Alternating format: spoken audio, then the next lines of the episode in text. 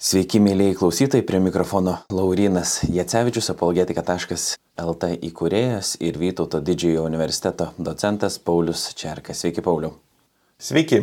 Klausotės laidos Biblijos slėpiniai, jos metu nagrinėjame patarlių knygą, esame prie jau 27 skyrių, iš viso patarlių knygų yra 31, tai reiškia, mums liko įskaitant ir šiandieną 5 skyriai.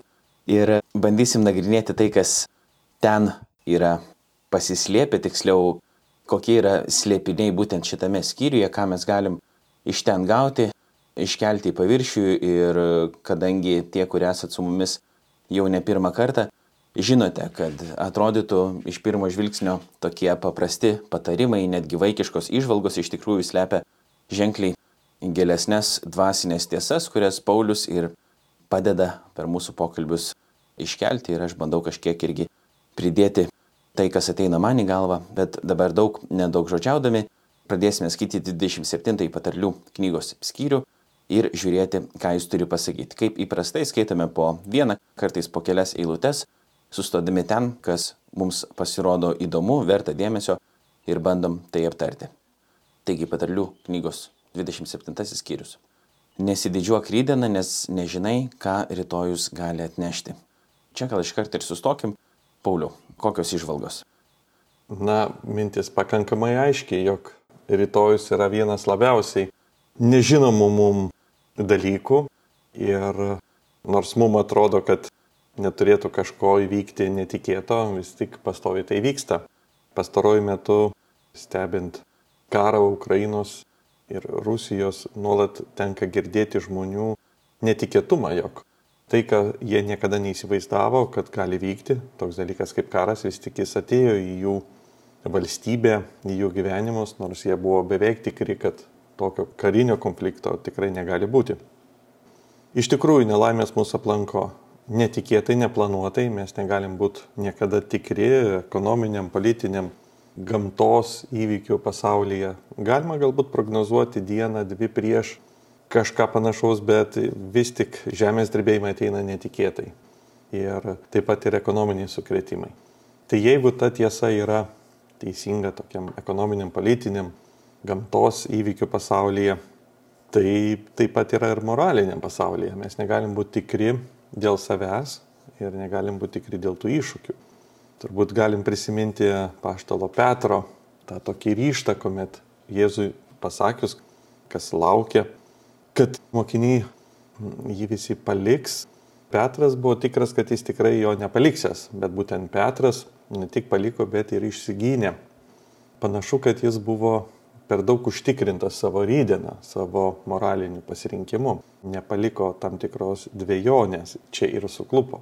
Tai šiuo atveju mums ir paraginimas niekada nebūti per daug tikriems dėl savęs, dėl savo pasirinkimų ir tokiu atveju mes turėtume išsaugoti tam tikrą dviejonę savimi ir tuo pačiu, kaip tik per tą dviejonę, pasiekti teisingų pasirinkimų.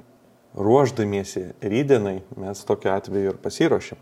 Ir va tas lengvabūdiškas užtikrintumas, aš žinau, kaip klostysis mano moralinis gyvenimas, gali būti pražudingas. Jau geriau palikti tam tikrą nežinę, baimę, saliginai pavadinkime, bet būtent tai ir yra priežastis pasiruošimui tam iššūkiam, o ne nusiraminimą. Aš žinau, kaip viskas baigsis, na turiu menį mano tikėjimo kelionę. Geriau palikti tam tikros nežinios, o tai ir yra tinkamas pasiruošimas tiem iššūkiam.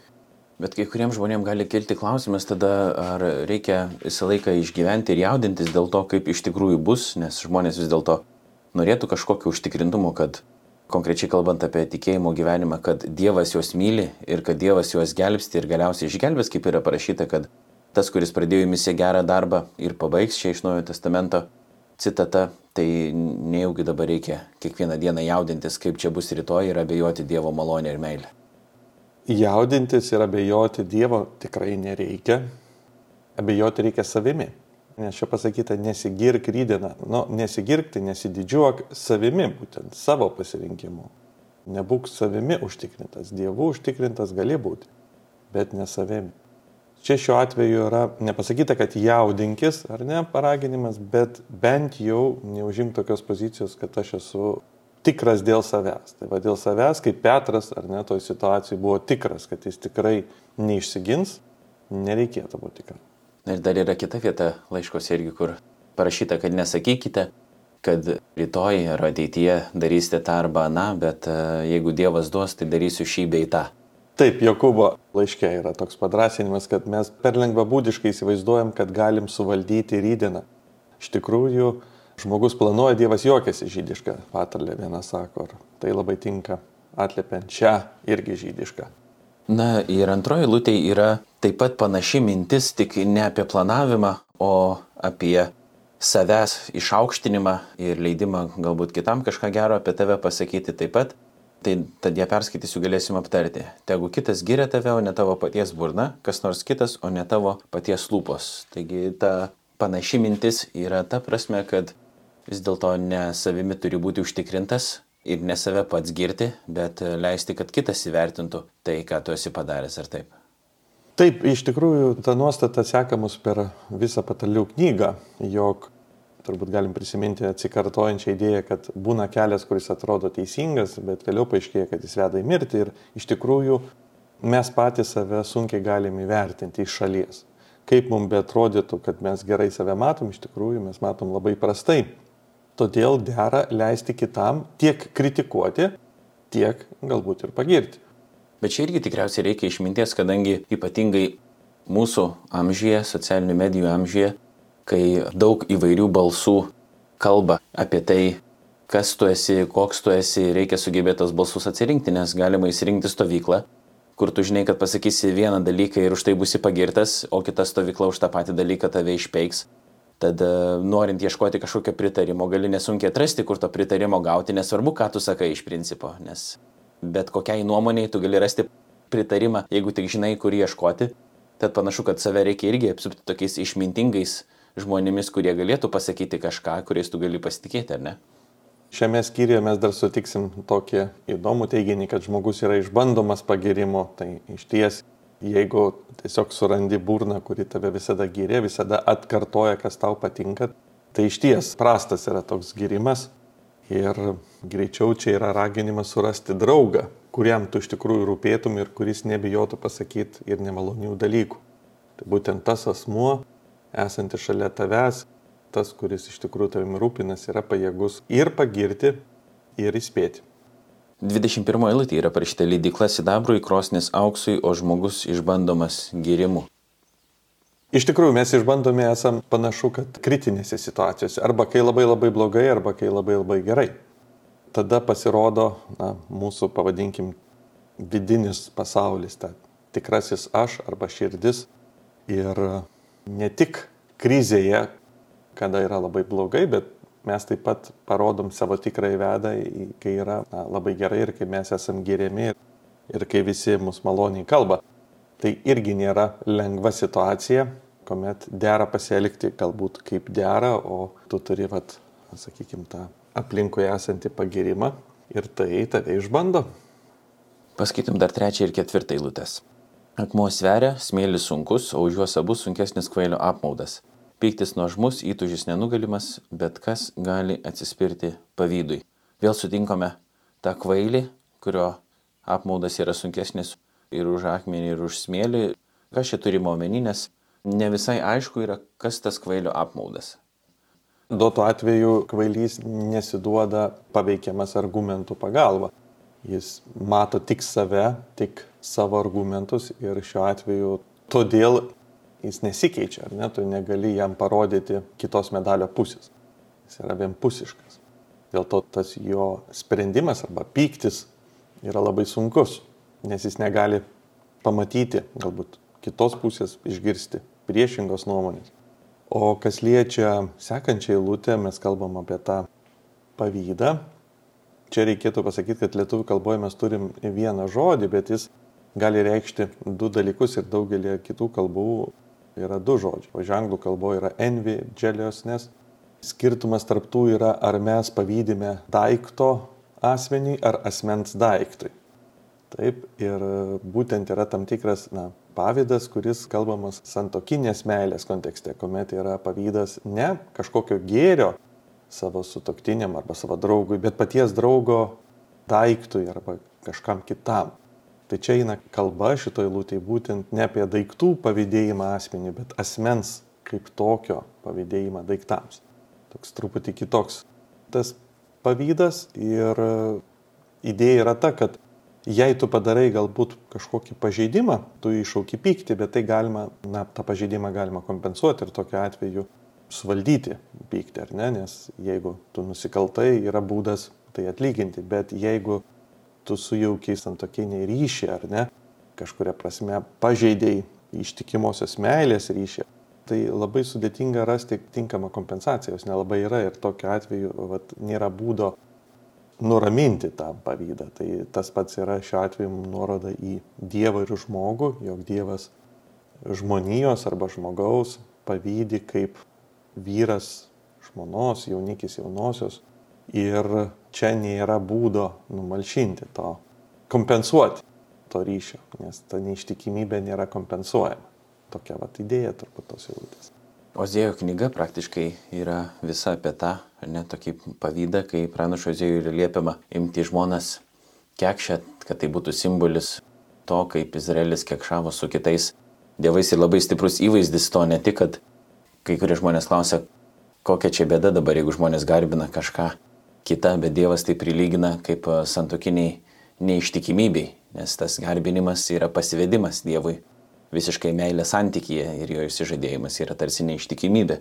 Ką mes sutinkam čia ir patarlių knygoje, taip pat ir tą kvailį, o patarlių knyga nuolat skatina mus ieškoti išminties, taip pat sutinkam ir dar vieną personažą, jeigu taip galima pasakyti, draugą, apie kurį skaitom dar keliose eilutėse. Ta dabar ir padarysim. Geriau atviras papeikimas negu slepiama meilė, Čia penkta eilutė ir toliau draugų smūgiai siekia gero, o priešų bučiniai kaip peiliai. Toliau devinta dešimta eilutės, mes šokam šiek tiek į priekį, kadangi tema toliau ten tęsiasi. Kaip kvepalai ir smilkalai džiugina širdį, taip ir draugų nuoširdumas stiprina žmogaus dvasę. Neužmiršk savo draugo ar tėvo bičiulio ištikus nelaimiai nueik į savo brolio namus. Geriau artimas kaimynas negu tolimas brolis. Ir septyniolikta, kaip geležis paštrina geležį, taip žmogaus paštrina savo artimo nuovoką. Šitą eilutę 17 yra, arba bent jos toksai panašus skambėjimas krikščionims yra pakankamai mėgstamas. Sakyti tai, kad geležis paština geležį, tai kaip vienas krikščionis paština kitą krikščionį, tarsi taip reikėtų suprasti. Bet bendrai yra kalbama apie draugą.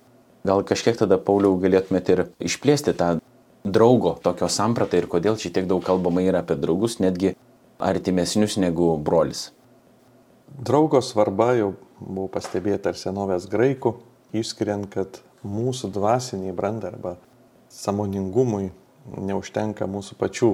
Tas geras draugas, kuris eina šalia, kuris gali mus įspėti, patarti ir su kuriuo mes galim pasidalinti, be galo svarbus, be galo didelis turtas, jeigu mums pavyksta tokį atrasti. Šiuo atveju na, giriama yra draugystė, parodant, kad tikras draugas nėra pataikūnas, taip, kai kada jisai pasako nemalonius dalykus, Ir svarbu yra ne ar malonu ar ne, nes priešas taip pat gali apsimesti, pataikauti, štai jis gali bučiuoti ir Evangelijose mes žinom šitą sceną, kuomet Judas išduoda Jėzų pabučiuodamas ir Jėzus jį sako, bičiuli, kodėl taip darai. Kažkuria prasme jis nebuvo tikras draugas ir jis tiesiog buvo toks draugužis, tas žodis reikštų galbūt. Tai draugystė be galo svarbi ir mes turim vertinti draugus, jų daug negali būti pa žmogų, tų gilių tikrų draugų, nors draugiškas jis gali būti daugeliui žmonių.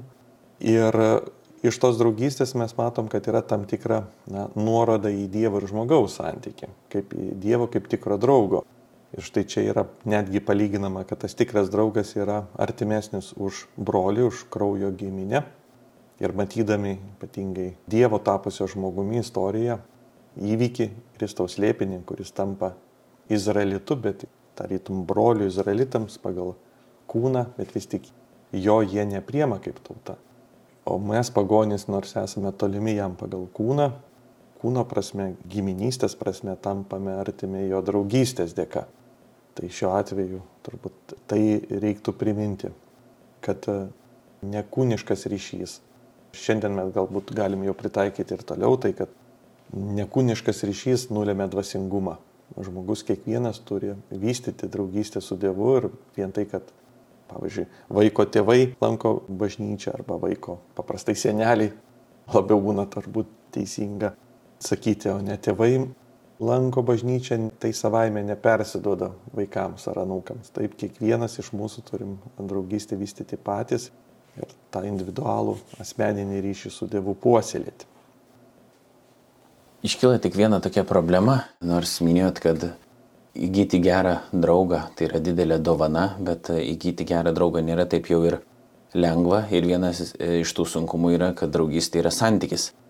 Bet kuris santykis vyksta bent jau tarp dviejų asmenų ir santykis negali būti per prievartą. Tu nori, pavyzdžiui, turėti vieną kažkokį žmogų savo draugu, bet jeigu jis nenori tave savo draugu turėti, tai yra didelė bėda. Galima patirti ir tam tikrą nusivylimą Bet kalbant apie Dievą, ir čia kaip suvedėt su santykiu su Dievu, kad Dievas nori mus turėti savo draugais, jis nori mus turėti savo šeimoje. Ir įdomu yra tai, kad čia jau, kaip sakyt, kamuolys yra mūsų pusėje ir mes galim pasirinkti ar atsakyti į tą Dievo kvietimą ir jo santyki, nes jis nori būti su mumis, mums nereikia Dievo kažkaip įtikinti. Kad tu būk su mumis, žiūrėk, mes tau kažką paukosim, kažką dėl tavęs padarysim, tu tik būk su mumis, būk mums geras. Dievas jau yra geras, jis mus jau kviečia ir atsakymas yra mūsų pusėje. Galima taip sakyti. Taip, Laurinai, taikliai. Tai va, iš draugo gavau pritarimą. Irgi, kas yra labai smagu, skaitam septintą eilutę. Sotus žmogus niekina medų, o alkanam žmogui net ir kartus dalykas atrodo saldus. Čia tokia panašu išsakyta amžina tiesa, tarsi, ne, kad jeigu esi kuo persisotinės, tai daugiau nelabai ko ir noriu, jeigu stokoji, tai tada bet kas, net ir mažiausias dalykas tau gali atnešti didelio džiaugsmo. Ar kažką dar galima atrasti šito eilutėje? Tai turbūt nuolat vėl atsikartojantis tas atgarsis patarlių knygoje, jog svarbu yra su kokiu nusiteikimu mes šiuo atveju valgome, bet prieš tai mes matėme, su kokiu nusiteikimu mes sutinkam iššūkius, sunkumus ar nelaimės, labai svarbus tas vidinis nusiteikimas. Ir šiuo atveju turbūt na, mes galim prisiminti ir tą dvasinį alikį, kuris gali labai pagyvinti skonį ar tiek švento rašto, ar kitų dvasinių tiesų, jos gali būti viena vertus labai gilios, bet jeigu žmogus nesidomi jomis, jos jo neliečia. Kita vertus, kai kada būna atvirkščiai. Didelis žmogaus alkis jį pradžiugina net labai paprastais dalykais, jeigu jis jų yra išalkęs. Todėl šiuo atveju čia yra raginimas jei mes nebejaučiam džiaugsmo valgydami dvasinį maistą, tai problema turbūt yra, kad mes prisivalgom nereikalingų dalykų, mes esame pertekę kažko, mums reikia tam tikro, na, pasniko, pavadinkime taip, vidinio idėjų ar kitų tuščių dalykų, apvalyti juos savo protą ir tokiu atveju vėl pasilgti, na, grinų, kokybiškų dalykų, kaip čia pasakyta, to medaus, ir tada vėl mes pradėsim jausti saldumą. Kadangi ta tiesa teisinga yra mytyboje, žmonės, kurie pertiekia arba valgo daugiau nei dera, jie nustoja jausti džiaugsmą maisto, tą grožį, skonį. Tas pats ir dvasiniu maistu yra. Nuolat žiūrėkim, ko esam pertekę, ar, ar pas mus yra tas sveikas alkis ir kalno pamokslė yra tas paraginimas, kad palaiminti trokštantis, alkstantis teisumą, nes jie bus pasotinti, būtent atliepia šią išsakytą mintį patalėse. Tai man primena tokią vieną istoriją apie Didžiosios Britanijos evangelistą, įdomi tokiu vardu J. John, kuris pasakojo tokią istoriją, kad kai tapo krikščionimi, jis buvo jau vyresnio amžiaus, Anglijoje vis dėlto vyrauja irgi anglikonų bažnyčia, reikia turėti tą kontekstą omenyje. Ir um, tapęs krikščionimi, jis labai pasikeitė stipriai ir jo mama sakė, sako, Džonai, tau išplovė smegenis. Ir uh, jo atsakymas mamai buvo labai, kaip irgi patarlių knygoje yra rašoma, taiklus ir išmaikštus tam momentui. Jis sakė, mama, jeigu tu būtum žinojus, kas buvo mano smegenyse, tai tu džiaugtumės, kad jas išplovė. Kartais tenka apsivalyti nuo to, kas yra mūsų smegenis ar širdį, apskretę tam, kad galėtum iš tikrųjų mėgautis to, ką gaunam.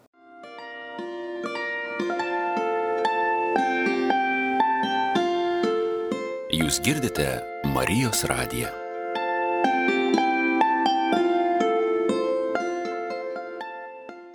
Toliau žiūrim į 11-12 eilutes. Mano vaikai įgyk išminties ir pradžiugink mano širdį, kad turėčiau ką atsakyti, kuris iš mane šaiposi. Gudrus žmogus nuvokia pavojų ir vengia jo, o neišmanėliai žengia priekin ir nudega nagus. Man įdomi 11 eilutė, kadangi kalbam apie tai, kad dera atsakyti turint išminties žmogui, kuris iš juo šaiposi. Ir daug psalmėse yra kalbama apie visokius apjokėjus, išjokėjus ir šaipūnus, ir dėl kurių yra skundžiamasi Dievui. Po to to pačio patarlių knygoje yra parašyta vieną kartą, kad atsakyk kvailiui pagal jo kvailumą, kitą kartą neatsakyk kvailiui pagal jo kvailumą. Ir tada kalbėjom, kad čia nėra kažkokių formulių, nėra konkrečių formulių, reikia turėti omeny tą konkrečią situaciją, nes ne vis laik lygiai taip pat gali sureaguoti. Tad vėlgi, čia yra kalbama apie žmogų, kuris šaiposi, tas pašaipūniškumas žaidžia tą, iš kurio yra šaipomasi, noris visą laiką kažką atsakyti. Jėzus, pavyzdžiui, kai buvo smerkiamas ir iš jo buvo tyčiojamasi, jisai nieko neatsakė, tai ar mums visą laiką reikėtų tada tylėti, kaip Jėzus tylėjo, ar čia vadovautis patarlių pavyzdžių, kad reikia kažkaip reaguoti, turite išminties, kaip tos išminties įgyti ir taip toliau. Taip, 11 eilutė yra idėja, jog mokytojas turėtų sugebėti išmokyti mokinį ir jei mokinys atsako teisingai, yra išmokytas, tai garbė tenka mokytojui ir atvirkščiai. Jei mokinys nesugeba įspręsti uždavinio, to iššūkio, kuris jam yra iškeltas, tai vėl ir gėda tenka mokytojui. Idėja yra tam tikra mokytojo atsakomybės principas. Ir čia mes turbūt prisimenam apaštalo Pauliaus laiškus, kuomet jis sako, kad jūs būsite mūsų pasigirimas Kristaus dieną, tai yra jūs, būtent tas jo darbo vaisius, tikinčiųjų bendruomenės, jeigu, jis sako, jūs išlaikysite tikėjimą iki galo, tam tikra prasme yra ir nežinia, ar pavyks apaštalui užauginti savo mokinius, tuos, kurie seka jį, ir ar jie pademonstruos tą pačią išmintį. Tai čia šiuo atveju eina kalba apie mokytojo, na, tam tikrą atsakomybę to, kuris moko ir veda. O 12 eilutėje vėlgi mes turim tą paraginimą nebijoti numačius pavojų slėptis, nes kartais atrodo, jog išmintis yra toks naivumas, jog būtina tiesiog eiti, nesvarbu kas, naiviai tikintis, kad pavojaus išvengsi. Priešingai išmintis yra blaiviai, jį mato pavojų ir jai negėda yra slėptis. Čia galim prisiminti turbūt COVID situaciją, pandemijos situaciją, kuomet buvo ir taip pat diskusija, ar tikinčiam žmogui dėrėtų pripažinti pavojų ir kažkaip imtis veiksmų nuo jos lepintis, o galbūt užtektų kažkokio tai tikėjimo, kad jis tave aplenks. Tai būtent iš čia mes suprantam, kad pavojų numatymas ir yra išmintis. Būtent gyvūnai, būdami kvailiai, nemato kai kada pavojų ir nukenčia, o žmogus įsiskiria to, kad jis apmasto, kokie bus padariniai, kokie yra pavojai ir kai kada jis priima veiksmą slėptis. Čia nėra drąsos išdavimas, bet konkrečiai tai yra reakcija į pavojų, kurį galima išvengti pasislepiant. Tai yra ir moraliniai pavojai, ar ne, nuo kurių mes turime numatyti tam tikrus padarinius savo moralinio elgsenos ir slėptis nuo moralinių rizikų, vengti situacijos, kuomet tai sukeltų mums moralinį pavojų, o ne pulti stačia galva į bet kokias situacijas, nepamašius, o prie ko tai gali privesti. Žiūrim 13 ir 14 eilutes. Paim drabužį žmogaus laidavusio už atejūną ir pasilaikyk jį kaip užstatą, nes jis laidavo iš svetim šalį. Kas ankstų rytą garsiai sveikina kaimyną, tas bus laikomas panašiu į besikeikinti žmogų. Antra iš skaitytų eilučių tokia netgi atrodo šiek tiek jokinga, dar prie jos prieisim, bet mes jau 13 eilutę buvom sutikę kitoje vietoje, čia netgi yra nurodyta išnaša patarlių knygos 20 skyrių 16 eilutė. Ir ten aš pažiūrėjau, jinai skamba praktiškai taip pat, bet gal galima dar trumpai aptarti, kadangi čia atrodytų kaip toks ne visai aiškus dalykas mūsų kultūriniam kontekstui, kas čia dabar vyksta, kokie drabužiai, atejūnai, laidavimas už kažką svetim šalį, atėjusi dar kaip ir moteriško įgiminė, jeigu bent jau čia taip yra tiksliai išversta. Kas čia vyksta? Taip, ši mintis daug kartų atsikartoja, bent visoje patalių knygoje apie įspėjimą prieš laidavimą už svetimą ir tas svetimas yra tarytum moteris, svetima moteris. Ir bendrai švento rašto kontekste nėra tokio draudimo laiduoti. Nesutinkam, kad galbūt raginimą atsakingai laiduoti, pasverti savo galimybės, bet tokio draudimo nėra. O štai čia mes sutinkam draudimą ir idėja yra ta, kad tai yra na, tik alegorijos dėka jis mums įgyja moralinį priesaką, jog tas svetimoji moteris yra dėl ko žmogus iš principo yra įspėjamas, tai yra kažkuria prasme e, svetima Dievui kultūra, gali būti pasaulyje žiūra tam tikra svetima. Iš principo maištingas pasaulis. Ir laidavimas yra susitapatinimas su kito skolomis, alegorinė kalba nuodėmėmis. Tai šiuo atveju yra raginamas žmogus labai atsakingai laiduoti už idėjas, už požiūrius, nes su jomis tu gali nugarmėti ir prarasti savo turtą šiuo atveju netgi tai, ką turi paskutinio, ar ne, tai gali būti ir būtent tas drabužis. Tai būtent kalba yra apie tai. Ir tada ta keturioliktoji eilutė, čia atrodytų toks paprastas vaizdinys, tikriausiai kaimo gyvenimo atrodytų, kad vienas žmogus labai anksti atsikėlęs ateina pas kitą, beldžia jam į duris, tas nori miegoti ir jį prikelia ir, ir šitas antrasis nervinasi. Bet panašu, kad vis dėlto čia yra kažkas giliau negu tik tais toks paprastas kaimo vaizdelis nupieštas, ar ne?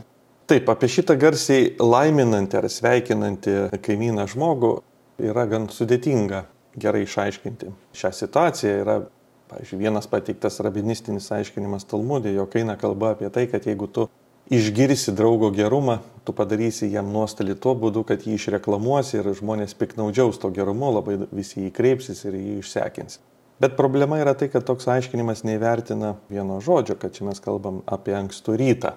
Ne tik apie garsų sveikinimą arba laiminimą, girimą, bet apie ankstų rytą. Ir turbūt idėja yra štai tokia, jog jeigu tu nori padaryti draugui gerą, tu jį nori padaryti gerą, tuomet neužtenka vien to noro. Ar ne ankstus rytas yra situacija, kuomet nėra priežasties tam pagirimui. Čia gal sveikinimas prastas vertimas, pažodžiui, yra laiminimas, ir daugiau tai yra atspindys mūsų gyrimui, pagirimui. Gautųsi, kad jeigu tu geri be priežasties netgi ir draugą, tu darai meškos paslaugą. Tu jį lepini ir galbūt kaip tik vedi link to, kad jis nepadaro savo gyvenime gerų, vertų pasirinkimų. Reiškia, tu suteiki jam pagirimą avansų. Taip, būdamas draugu, tu nori kad, sakykime, jį girti, bet tas noras tave suklaidina, tu padarai ir realiai jam ne gėri, o blogį, na, meškos paslaugą. Ir štai čia yra ta pati analogija ir alegorija į Dievo ir žmogaus santyki, jog Dievas visiems žmonėms siūlo išgelbėjimo žinę ir išganimo pašvenčiamą malonę, bet dangaus garbė ji nėra dalinama atsitiktinai ji dalinama arba tas pagirimas iš Dievo jis ateina, kuomet yra kažkas, ką dera pagirti. Kaip šventasis Augustinas yra sakęs, jog Dievas vainikuoja mumise dovanas, kurias mums duoda. Bet vis tik vainikuoja kažką, mumise turi atsirasti tos priežastis, dėl ko pagirimas mums, kad ir dangiška garbe, atliepia kažką, kas yra verta pagirti, kas yra girtina. Jeigu jis tiesiog būtų išdalintas be priežasties, visiškai dovanai, jis būtų miškos paslauga, jis gadintų žmogų. O šiuo atveju, reiškia, mes turime suprasti, kad nepaisant to, kad Dievas norėtų, kad mes gautume tą pagirimą, jis turi nuo to susilaikyti ir duoti jį, na, leisti atsirasti tam tikrai prasme priežasčiai to pagirimo. Ir tada tai nesugadina mūsų ir yra na, tinkamas vertinimas. Tai Čia toks sudėtingas vaizdinys, bet jo idėja yra tokia, kad neužtenka draugystės. Jeigu tu tikras draugas, tai geriau padėk savo, na, tam draugui kažką nuveikti, girtino ir tada jį pagirk. O negu tiesiog anksti rytą, kol jis dar nieko nepadarė, tokį dalink pagirimą, kai dar nėra už ką. Nes tai tu padarysi žalą tokiu būdu. Tai šiek tiek primena ir mūsų šilaikinį kontekstą, kai yra ypatingai JAV mėgstama dalinti trofėjus mokykloje, darželyje, įvertinimus, apdovanojimus, tada, kai nėra ko vertinti. Tiesiog visi gauna vienodą apdovanojimą ir tai padaro meškos paslaugą ir turi atvirkščią efektą, kiek teko girdėti, kadangi tie žmonės, kurie, ar ne, su pačiu kalbėjom apie tai kažkada ir kad tie, kurie stengtųsi šiaip dėl to, kad galėtų gauti kažkokį vertinimą, jie nustoja stengtis ir toli gražu nėra motivuoti, nes vis dėlto yra vertinimi lygiai taip pat kaip ir tie, kurie nesistengia. O tie, kurie nesistengia, irgi neturi jokios motivacijos stengtis, nes ar taip ar taip bus įvertinti tinkamai. Netinkamai, bet bus vis tiek įvertinti už tai, kad nors ir nieko nepadarė. Iš esmės tai atliepia tą pačią problemą, ar ne, kad nors ir norisi vaikams išdalinti tos įvertinimus, vis tik toks va, vienodai išdalinimas visiems, na panašu, kad tai nepasiekia savo pedagoginių tikslų. nors yra eksperimentuojama su tokiu būdu. Tai taip pat ir Dievas, jis nors ir norėtų, kad visi žmonės gautų tai vertinimais, vis tik jo neduoda visiškai atsitiktinai. Jis priešingai jo malonė mumis atlieka darbą, kuris galėtų būti pagirtas. 15-16 eilutę dar paskaitom. Nuolatinis lašėjimas lietinga diena ir priekabi žmona yra panašus. Nutildyti ją reiškia nutildyti vėją ar ranką suimti aliejų. Ir jeigu aš gerai atsimenu ir įsisamoninau tai, ką buvom kalbėję patarlių knygoje prieš tai, tai čia toli gražu ne apie žmoną eina kalba ir ne vien apie šeimininius santykius, bet apie santykį su savimi pačiu. Ir čia dabar pabandysiu aš painterpretuoti tą, ką iš paties išmokau. Tai kad gali būti, pavyzdžiui, kad nuodėmė mums neduoda ramybės, kažkas kažkoks yra sąžinės priekaištas, nuolatinis, kuris mus tarsi nuolat laša ir neduoda mums ramybės, kai bandant naktį užmigti girdi lietų arba kažką kapsenant. Ir e, nėra taip jau lengva tą sąžinės priekaištą nutildyti, nereikia ieškoti, kur jisai yra ir dar reikia norėti tai padaryti.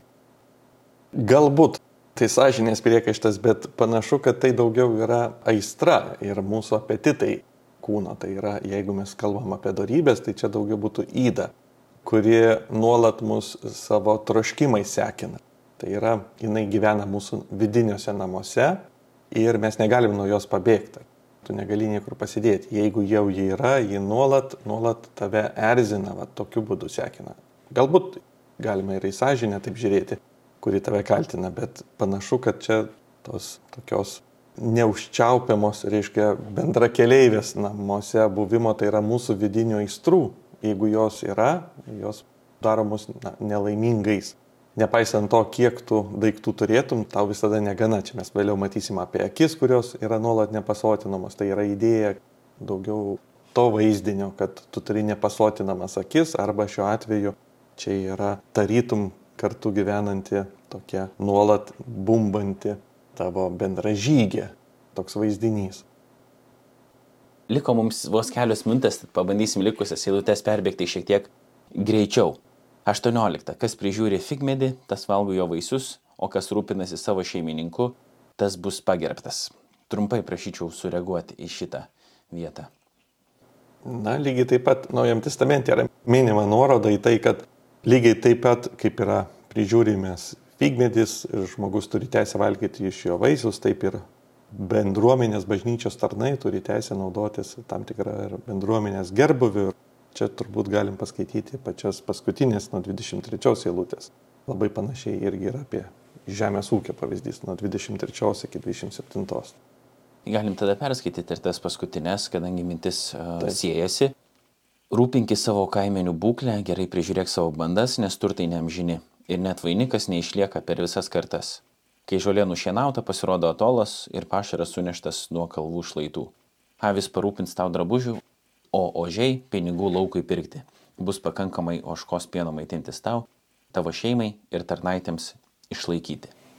Taip, tai čia idėja yra turtingo ūkio, kuris iš principo verčiasi gyvulių auginimu, bet panašu, kad pas jį padaugėja turtai ir sustiprėja politinė įtaka. Štai čia yra nuoroda į vainiką arba karūną. Ir gali būti, kad toje būsenoje, kai yra daug turto, kaip yra stipri politinė įtaka, šitai šeimai atrodo nebeįdomu prisiminti savo kaimenės, yra kažkas įdomiau. Tačiau patarlės ragina įvertinti, kad na, politinė įtaka yra nestabili, dinastijos keičiasi, politinės valdžios keičiasi, taip pat ir turtai. Štai jų yra, štai jų nėra ir duoto atveju panašu, kad ta vat, kaimenė yra labai stabilus išlaikymo šaltinis. Na, nedėra jos primiršti, nors atrodytų kai kada yra pagundimas. Ir čia panašu, kad yra nuoroda į tikinčiųjų bendruomenę, kad yra situacijos, kuomet tikinčiųjų bendruomenė ir praturtėja, ir galbūt politinė įtaka jos yra didesnė. Ir na, yra toks pagundimas nukreipti akis į tuos dalykus, pamirštant žmonės, kurie ir yra tos avis. O iš tikrųjų žmonės yra didžiausias bažnyčios turtas, lygiai taip pat kaip žmonės didžiausias yra kiekvieno verslo turtas, taip žmonės yra didžiausias tikinčiųjų bendruomenės turtas ir jų na, nedėra primiršti. Jie yra tie, kurie gali išlaikyti bažnyčią gyvą ir persikėjimo metu, krizių metu. Na ir Lietuvoje mes esame turbūt išgyvenę sovietinį persikėjimą ir būtent žmonės yra tie, kurie išlaikė bažnyčią. Ir šiuo metu, sakykime, yra kitoks sunkumas, ideologinis sunkumas. Vėlgi, žmonės yra tie, kurie yra didžiausia trama bažnyčiai. Neturtas ir na, ne karūna, tai yra nepolitinė įtaka. Ir pabaikim 19, 20 ir 22 eilutėmis. Kaip vanduo atspindi veidą, taip vienas žmogaus širdis atspindi kitą. Šiolas ir prapulties vieta nepasotinami, niekada nepasisotina ne žmogaus akis. Nors ir grūstuvėje sutrintumai kvailį, grūstuvų draugė su grūdais kvailumo iš jo neišvarysi. Vėlgi atrodytų kartojasi ta mintis, kad kvailiui argumentas, racionalus, pažiūrėjau, argumentas gali būti neįtikinantis ir ne tik tai pasirodo, daug dalykų kvailiui gali būti neįtikinami, jeigu jisai net nenori būti kažkaip perkestas, jis yra įsikibęs savo tiesos Ir net toks pavyzdys mums yra teikiamas, net jeigu jis būtų sunaikintas, vis dėlto jam tai nieko nepakeistų. O šiolas ir prapulties vieta galima galbūt čia šiek tiek sustoti ir aptarti tai, kas galėtų būti įdomu klausytojams, kadangi ta samprata, vadinkim taip, hebrajų Biblijoje, tos prapulties vietos, mirties vietos šiolo, ten, kur tarsi to anapusinio pasaulio, čia nebereikalo yra kalbama apie nepasotinamumą, kadangi yra šiolo tarsi tokia nasrai gerklė, kuri viską praryja. Ar ne toks yra vaizdinys ir čia yra lyginama su taip pat nepasotinamum žmogaus akimis, kuriams viso neužtenka. Ne? Tai jeigu galima šiek tiek išplėsti tą mintį apie šiolą ir nepasotinamas akis. Senam testamente na, nėra išplėtotos tokios išsamios pomirtinio gyvenimo teologijos. Na ir čia mums jos ir nereikėtų gal labai ir ieškoti. Tiesiog tas žodis šiolas, jis buvo naudojamas liaudė labai paprastai, tiesiog kaip mirtis. Ir mes tikrai suprantam, kad na, niekada mirtis nepaliauja. Taip, žmonės mirė ir mirs ir niekada negali pasakyti, kad štai baigėsi mirtis, ar ne? Tai duotų atveju tiesiog šio eilutė mums užtektų suprasti, kad tai yra kapas, šiolas gali reikšti tiesiog mirti, na ir gali reikšti kažkuria prasme ir pomirtinį pasaulį, kokį jį beįsivaizduotų tuo metu autorius.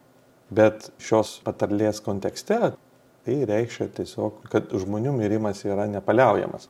Ir jis yra palyginamas su mūsų akių nepasitinamumu, kad mes niekada nepasisotinam, ką norim pamatyti, mums niekada negana, mes norim vis daugiau ir daugiau, tas akių geismas, gyvenimo puikybė ir kūno geismas čia išreikštas tik taip akių geismų, yra nepasotinama aistra.